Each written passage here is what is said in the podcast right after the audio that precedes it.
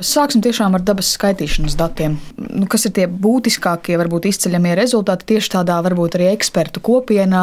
Kā jums šķiet, ko no šī visa var paņemt? Tad nu, skaidrs, ka tur uzsvars ir uz tiem zālājiem, ka ir viens procents aptuveni tikai valstī, kas ir ļoti, ļoti maz. Bet kas ir jūsu galvenie secinājumi no dabas skaitīšanas projekta? Nu jā, jūs jau pieminējāt precīzi par tiem zālājiem, kur stāvoklis tiešām kritiski slikts. Kā jūs minējāt, 1% no Latvijas teritorijas vairs tikai zālēks, ļoti liels kritums, salīdzinot teiksim, 30 gadu perspektīvā. Ja mēs salīdzinām vēl lielākā perspektīvā, tad mēs redzam, ka pēdējo simt gadu laikā um, to samazinājums ir bijis 30 kārtais. Ja? Protams, mēs dzīvojam daudz savādāk nekā tik sen atpakaļ, bet jebkurā ja gadījumā tāds liels kritums tas ir vērā ņemams. Bet kopumā dabas skaitīšanas dati ataino satraucošas tendences arī attiecībā uz mežiem. Piemēram, mēs varam runāt tikai par 10% mežu, kas ir bioloģiski ļoti augstvērtīgi. Un faktiski jebkuru dzīvotni, kur mēs skatāmies, mēs redzam tādu nu, faktiski ļoti um, kritisku un ļoti sliktu ainu. Man zeltā uz tādas negatīvas notis sākt, bet tas tā, diemžēl, arī ir. Faktiski neviens biotops mums nav tāds ļoti labā stāvoklī. Lielākā daļa tie biotopi ir tiešām kritiski un tikai ļoti nedaudz no tiem tādā ļoti labā stāvoklī. Jā, varbūt varam uzreiz jau paturpināt, mm. iezīmēt arī uzreiz klausītājiem, kas ir galvenie iemesli šobrīd, kas ir izkristalizējušies. Mm. Nu jā, kādēļ šī situācija ir tik slikta? Jā, notiecībā uz zālājiem tā ir uh, nepiemērota apsaimniekošana. Vai nu mēs nepietiekami bieži pļaujam, vai pļaujam par daudz, vai apkārt ir lauksaimniecības zemes, kas arī ietekmē to zālāju kvalitāti. Ja tādas vienlaidus liels lauksaimniecības zemes, vai tie tiek nosusināti. Zālāji kā biotops mūsu platumgradustī nevar pastāvēt bez cilvēku iejaukšanās. Viņi nevar tā kā, kā meži vienkārši mēs mežu neaiztiekam, un mums pēc laika ir bioloģiski augstvērtīgs mežs. Ar zālājiem tā nav. Zālāji ir jākopj, bet jākopj pareizi atbilstoši.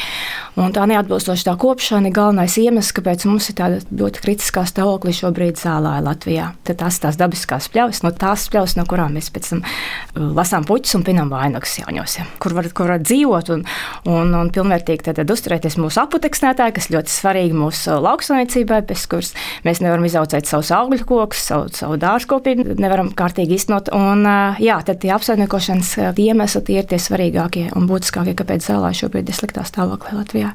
Ja mēs savukārt paraugamies to globālo ainu, tad vai mēs izceļamies Eiropas fonā? Nu, cik daudz ir informācijas vai zināms mm. jā, par to, vai kaut kādi salīdzinoši dati, vai Latvija ir īpašā ar to, ka mums ir tik maz šo zālāju palicis? E, runājot par to, kādā stāvoklī tie zālē ir arī Eiropā, Eiropā zālē arī ir viens no apdraudētākajiem e, biotopu veidiem.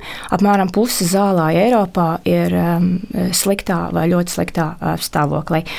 Tā kā tādā ziņā arī zālē ir īpaši izceļami. Arī Eiropas kontekstā tas nav teiksim, Latvijas unikalitāte. Attiecībā uz meža biotopiem, piemēram, tā ir tā vienīgā Eiropas kontekstā, vienīgā dzīvotne, kurā ir nedaudz pozitīva tendence, kur var novērot tādu nelielu uzlabošanos, bet tas ir Eiropas kopējā kontekstā, tas neatiecas uz Latviju. Bet runājot par zālājiem, tas uh, nav nekas unikāls. Jā, tā situācija ir slikta visā Eiropā. Bet, nu, ko no tā var secināt? Labi, viens ir tās dažādas ietekmes sabiedrības, saimniekošanas, bet, ja runā par dabas aizsardzības politiku, uh mhm. -huh. Vai tad var secināt, ka tā ir slikta, vāja Latvijā un arī Eiropas Savienībā? Uh mhm. -huh. Vai tas ir viens no iemesliem, ka šī nav prioritāte nekādā veidā? Dabas aizsardzība, vides politika, klimata politika pēdējo vairāku gadu laikā ir kļuvusi nu, daudz aktuālāka politika politika, kurā Eiropas līmenī mēģina īstenot jaunas iniciatīvas, lai uzlabotu dabas stāvokli, vienkāršot izskoties. Varam minēt šo zaļo kursu no 2019. un 2020. gadā, kas, protams, skar ne tikai klimata politiku, bet arī vides un dabas aizsardzības politiku. Un patiesībā, pateicoties tiksim, tādām Eiropas iniciatīvām, mēs varam teikt, ka mums Latvijā tas stāvoklis nav vēl sliktāks. Piemēram, runājot par dabas aizsardzību, Latvijā ir saistoša putnu un biotopu direktīva, kur mums ik pēc pieciem gadiem jānovērtē stāvoklis un jāziņo. Pēdējais ziņojums bija, ja nemaldos, 2020. gadā, tagad drīz atkal tas atkārtosies, un šis ziņojums arī tagad, runājot par to labvēlīgo un nelabvēlīgo stāvokli, arī ieskicēja visas tās, nu, tās tendences, ko es jums tikko minēju, kas ir ļoti satraucošas.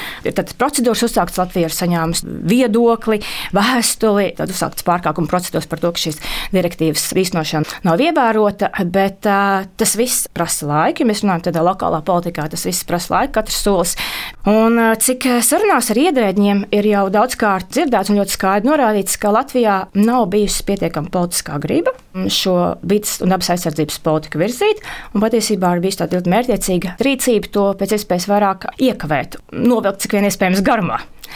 Un tādēļ arī šobrīd, saskaņā ar šo Eiropas Savienības bioloģiskās daudzveidības stratēģiju, mums ir jādefinē teritorijas, kuras mēs aizsargāsim. Jā, saskaņā ar šīm stratēģijām mums būtu 10% no valsts teritorijas stingri aizsargājumi un vēl klāt 20%, kas ir nu, daļēji aizsargājumi. Un tikai dēļ šīm prasībām, ja tā varētu teikt, notiek kaut kāda virzība šobrīd ļoti lielā steigā.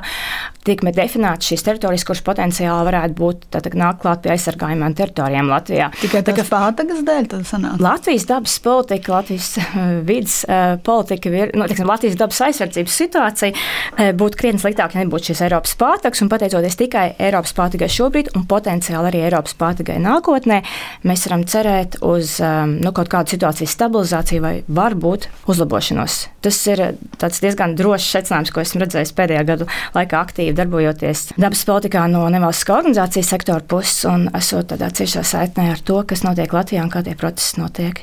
Bet varbūt, ja mazliet mēs šeit jau pieskārāmies pie tiem pārkāpumiem, mm. nu tad, lai daļai novērstu Eiropas komisijas pret Latviju ierosināto pārkāpumu par saistību neizpildi attiecībā uz dabisko dzīvotņu aizsardzību, ir sagatavots šis ministru kabineta noteikuma projekts, kas paredz noteikt 76 jaunus dabas liegumus un paplašināt sešus esošos dabas liegumus.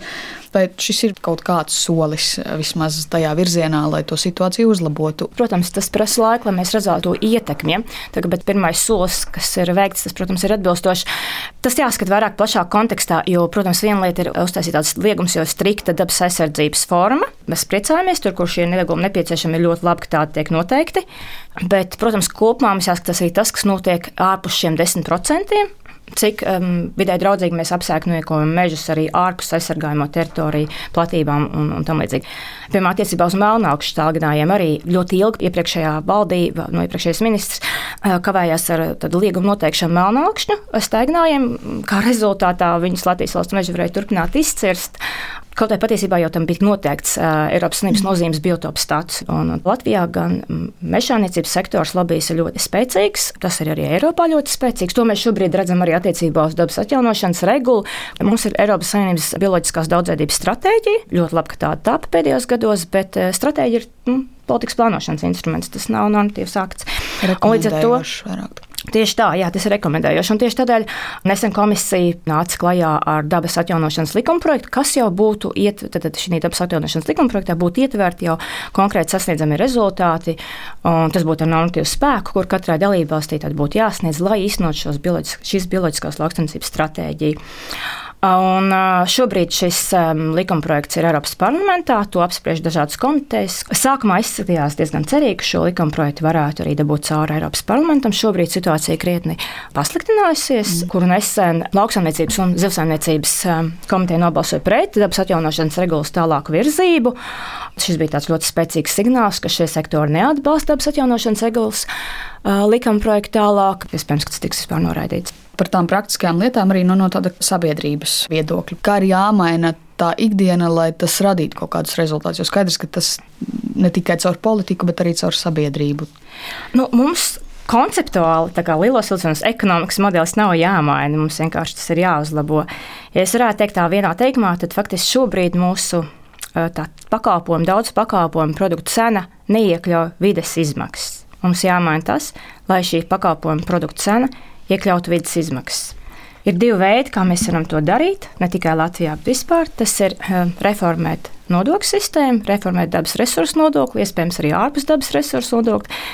Lai mēs veicinātu to, ka šobrīd tas, kas sagandē vidi, piesārņo vidi, maksā, šī nauda tiek novirzīta budžetam, un no budžeta mēs kompensējam iedzīvotājiem, kuri veic kādas darbības vai neveic kādas darbības par labu vides dabas saglabāšanai. Bet šobrīd tas nedarbojas praksē. Ne, nu, mums ir debes resursu nodoklis, bet tas ne, neeksistē pietiekami efektīvi. un tie pietiekami pārdomāti. Pilnīgi noteikti.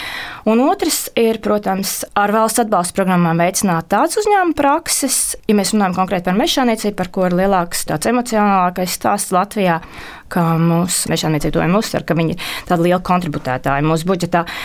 Tad tā vietā, lai mēs vienkārši eksportētu jaunu materiālu, mums jāapsamazina ciešanas apjomu, vai vismaz nav jāpalielina tie, bet tas iztrūkums jākompensē ar to, lai mēs attīstot uzņēmumus, kuri ražo no koku materiāliem augstu pienotās vērtības produktus. Un to var darīt valsts politikas līmenī ar konkrētiem instrumentiem, ar konkrētām iniciatīvām. Šie divi ļoti konkrēti un precīzi soļi, ko būtu jādara, lai uzlabotu esošo ekonomikas modeli. Bet, ja vispār runā par dialogu, nu, pavisam konkrēti ar industriju, vai tā ir mm. lauksaimniecība vai ražošana, jā, vai viņš ir attīstams, uzlabojams, vai viņš nav iespējams? Kā liekas? Nu, es jā, vienmēr tādu, tādu labu frāzi, un tas tā skan, ka vienmēr jāsēž pie kopēja galda un jārunā, un vienmēr var atrast eh, kopsaucēju, vienošanos un šo kompromisu. Bet man šķiet, ka šeit ir ļoti viens būtisks šķērslis, pirms mēs sēžam un sākam runāt pie kopēja galda. Mums ir jāvienojas par kaut kādiem pamatprincipiem un pamatlietām. Ir grūti runāt eh, ar otru pusi, kas piemēram, mums, nevalstiskām organizācijām, eh, mūsu kā, piedāvājumu, mūsu izpratni par situāciju balstīt zinātnē un faktos. Taksim, mūsu vērtības saskana ar to novērtējumu par kritisko situāciju, ko šobrīd mums zinātnieki vienprātīgi uz ko vērš uzmanību. Mēs varam pilnīgi un neselektīvi izmantot un balstīties zinātnē, balstītos faktos un ieteikumos. Un mums ir ļoti grūti sēdēt pie kopējā galda ar uh, to interesēto pušu pārstāvjiem, kur uzskata, ka nav problēma, ka Latvija ir zaļa, Latvijā nepastāv dabas aizsardzības kaut kādas problēmas, vidas problēmas, vai ka mēs, piemēram, nevaram atļauties būt zaļa valsts, jo tas mums tikai maksās. Un, un uh, līdz ar to tas dialogs īstenībā nevar veidoties, jo tās izējas pozīcijas ir ļoti dažādas.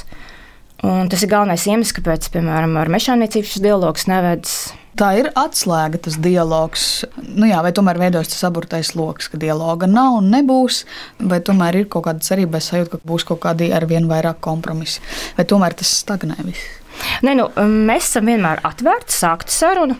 Un mēs skatāmies, cik tālu mēs varam uh, runāt un rast kopīgu valodu, bet mēs esam vienmēr atvērti. Un, un tāpēc arī, pat, ja mums um, ir varbūt ministrs, kurš netic klimata pārmaiņām, mēs joprojām ejam ar viņu runāt un mēģināt. Kurš ministrs? Zemkopības. Zemkopības. Un pat šī gadījumā mēs radām vienu kopēju, kā teikt, vienotu lietu, aizsprostu nojaukšanu upēs, par ko viņš ir ļoti iededzies, un kur mēs arī redzam to kopējo lietu, kur mēs varam tiksim, vienoties un, un virzīt tālāk. Tā mēs vienmēr mēģinām saskatīt kaut ko, kur mēs varam vienoties vienoties un virzīt tālāk. Bet tā ir tāda plašāka problēma. Tas vispār par uzticēšanos zinātnē, par sabiedrības izpratni par zinātnes lomu, dažādu politiku veidošanā. Šis ir tāds plašāks jautājums un plašāka problēma. Manuprāt, tā tāds zemākais kritiskais punkts vēl nav sasniegts. Iespējams, ka situācija teiksim, Latvijas gadījumā varētu vēl tikai pasliktināties, pirms viņa uzlabosies. Man šķiet, ka mums arī dažs aptaujas prāt, ka daļa sabiedrības nav noformulējusi savu viedokli šajos jautājumos. Viņi vienkārši nezina.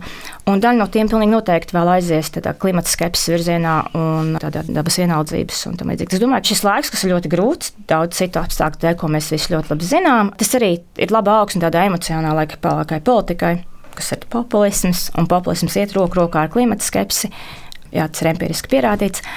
Līdz to es arī domāju, tas populisms vilnis arī vēl Latvijā samā, vēl, vēl, vēl mazliet ir, nu, ir gaidāms. Līdz to arī kopā ar to arī tāda lielāka klimata skepse un dabas vienaldzība. Bet tad pavisam rezumējot, ja par to nākotni jūs jau mazliet pieskārāties, bet kā jūs redzat, kur mēs būsim pēc kaut kādiem 10, 20 gadiem? Būs vēl zālē, nu, pavisam godīgi, kā liekas. Nē, es domāju, pēc 10, 20 gadiem tā situācija atkal sāks, teikt, iespējams, kā jau minēju, zemākais punkts vēl nav sasniegts, bet pēc tam būs grūdienas un, un situācija noteikti noteikti uzlabosies. Ja man jautā šobrīd, tad man tiešām, kā jūs sakāt, tāda, tāda varbūt šobrīd sajūta līmenī, jo modelējis es to neesmu.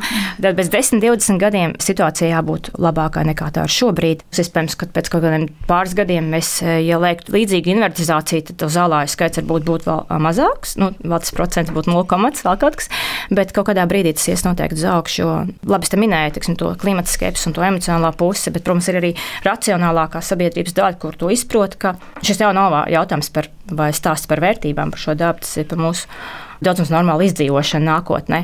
Un vienkārši tas mums jādara, lai mēs nākotnē varētu kaut kādā normālā veidā pastāvēt.